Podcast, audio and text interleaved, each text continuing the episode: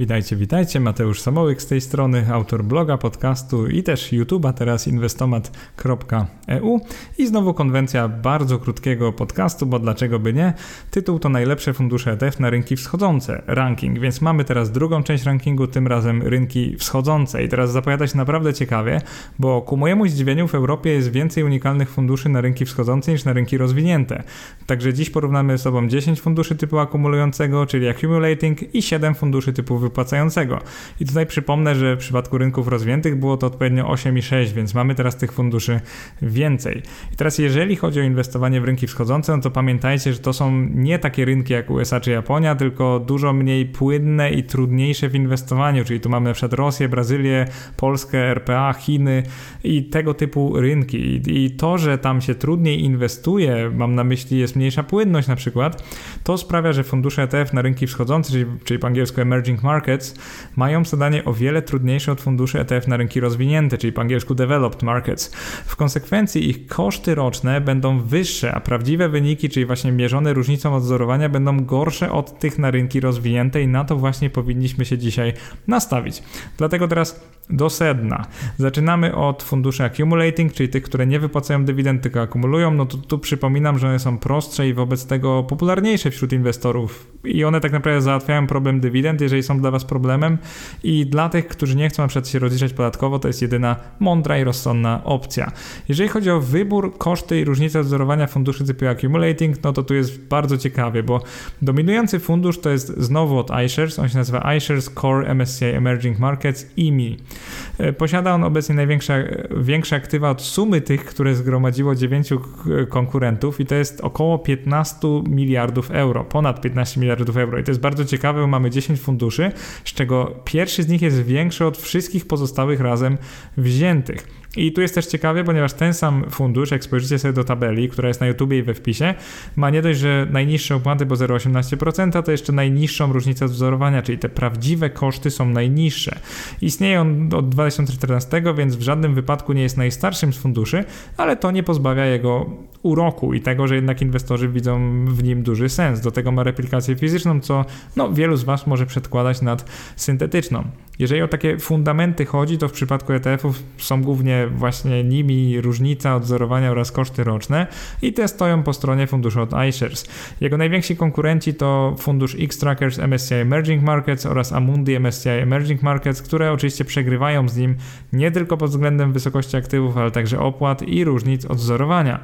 I to jest bardzo ciekawe, ale kolejnym największym konkurentem jest bliźniaczy fundusz iShares MSCI Emerging Markets, po prostu w nazwie nie ma Core i IMI, którego koszty są na papierze równe kosztom tego starszego brata, ponieważ obydwa kosztują 0,18% rocznie, ale wystarczy spojrzeć pod maskę funduszy, by wyszła na jaw cała prawda.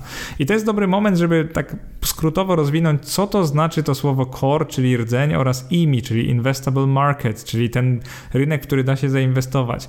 To oznacza, że fundusz kupuje akcje większej liczby spółek niż zwykły indeks MSCI Emerging Markets. Dokładny opis metodologii akurat załączyłem w linku we wpisie, więc jeżeli jesteście ciekawi, możecie sobie tam wejść, ale to jest trochę lek- to jest takie nieintuicyjne, że fundusz, który jest trudniejszy do odtworzenia, bo zawiera prawie 3000 spółek, wobec 1200 w tym zwykłym indeksie MSCI Emerging Market, czyli ten IMI, okazuje się prostszy i tańszy w naśladowaniu, bo tego dowodzi właśnie różnica wzorowania funduszu iShares. I wśród powyższych funduszy aż połowa jest replikowana syntetyczne, co, co jest też dość nieintuicyjne, bo wydawać by się mogło, że to jest tańsze, ale w przypadku Emerging Markets to jest droższe niż po prostu fizyczny zakup tych wszystkich akcji. I to by było na tyle. Mamy na razie oczywistego zwycięzcę, teraz sprawdzimy dostępność i ceny i podsumujemy sobie, czy naprawdę jest zwycięzcą. Jeżeli chodzi o dostępność, to wszystkie z tych funduszy są dostępne tylko we Frankfurcie. Co ciekawe, w Londynie nie ma trzech z nich, co jest dość rzadkie. W Amsterdamie są tylko dwa z tej całej grupy.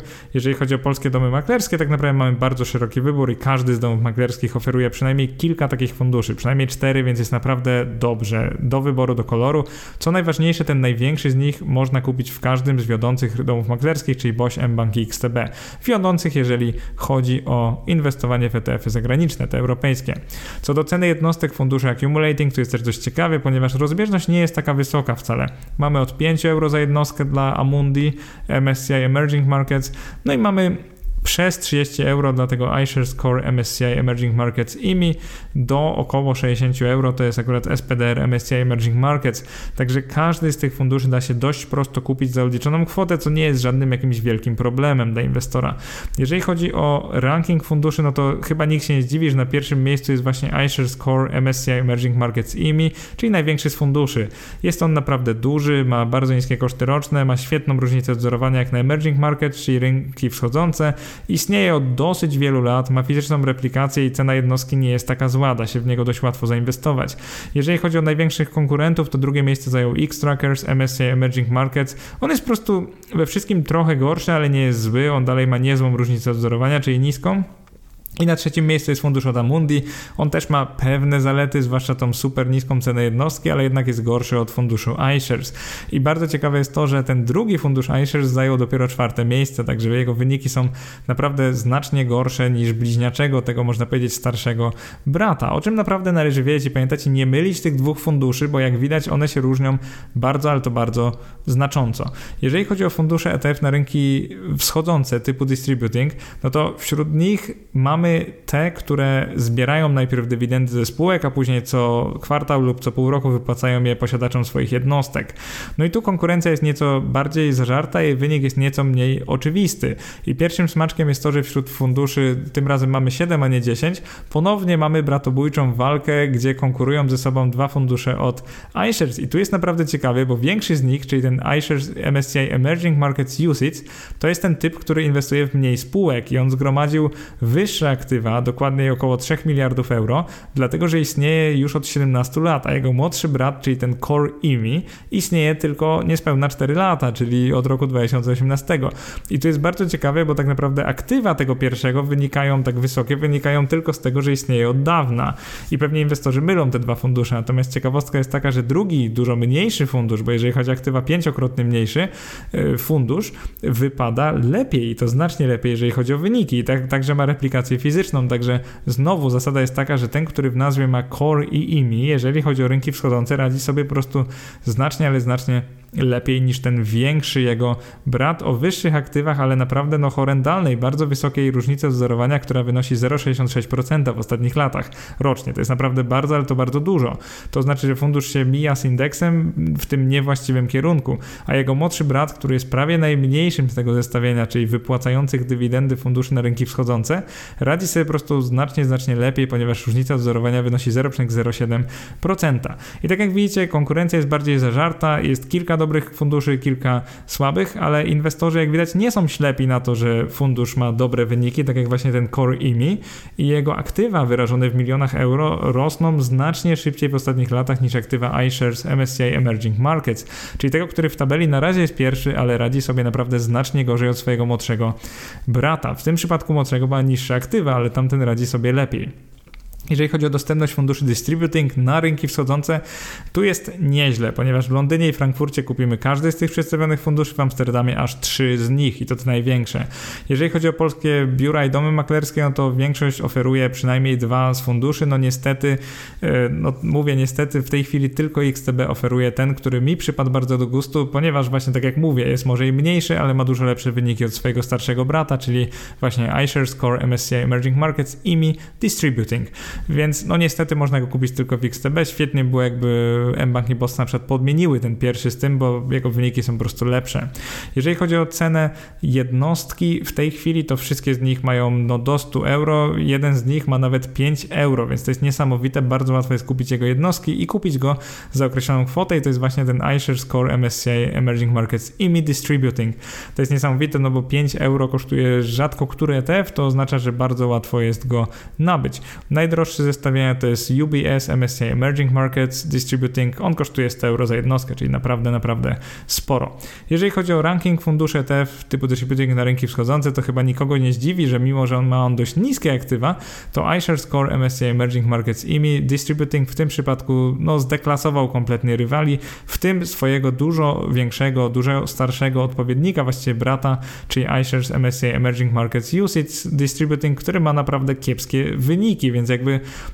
ciężko jest y, powiedzieć, że taki fundusz powinien wygrać tylko dlatego, że istnieje od dawna, czyli 17 lat, naprawdę dawna i ma y, bądź co bądź bardzo wysokie aktywa. Jeżeli chodzi o konkurencję, to jest tam dalej fundusz HSBC na też drugim miejscu z 11 punktami, jest tam fundusz Vanguarda na trzecim miejscu FTSE Emerging Markets. Zauważcie, że Vanguardy w ogóle radzą sobie dość dobrze w funduszach typu distributing, one jakby wywodzą się z Ameryki.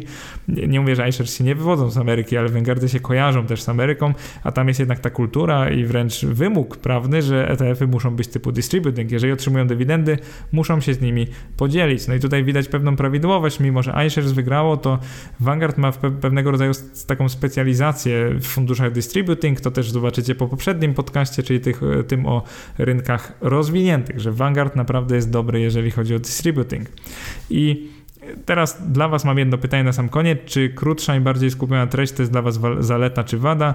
Czy mniejsza liczba tabel z danymi ułatwia czy utrudnia przekaz? No i czy fakt, że nie skupiam się na gorszych funduszach to jest atut czy słabość takich podcastów? Jestem ciekaw, co w ogóle myślicie o takich krótszych podcastach, ponieważ zwykle nagrywam, sami wiecie, 50 minut godziny, a teraz tak naprawdę króciutko postarałem się wyczerpać temat. Bardzo dziękuję i do następnego. Cześć!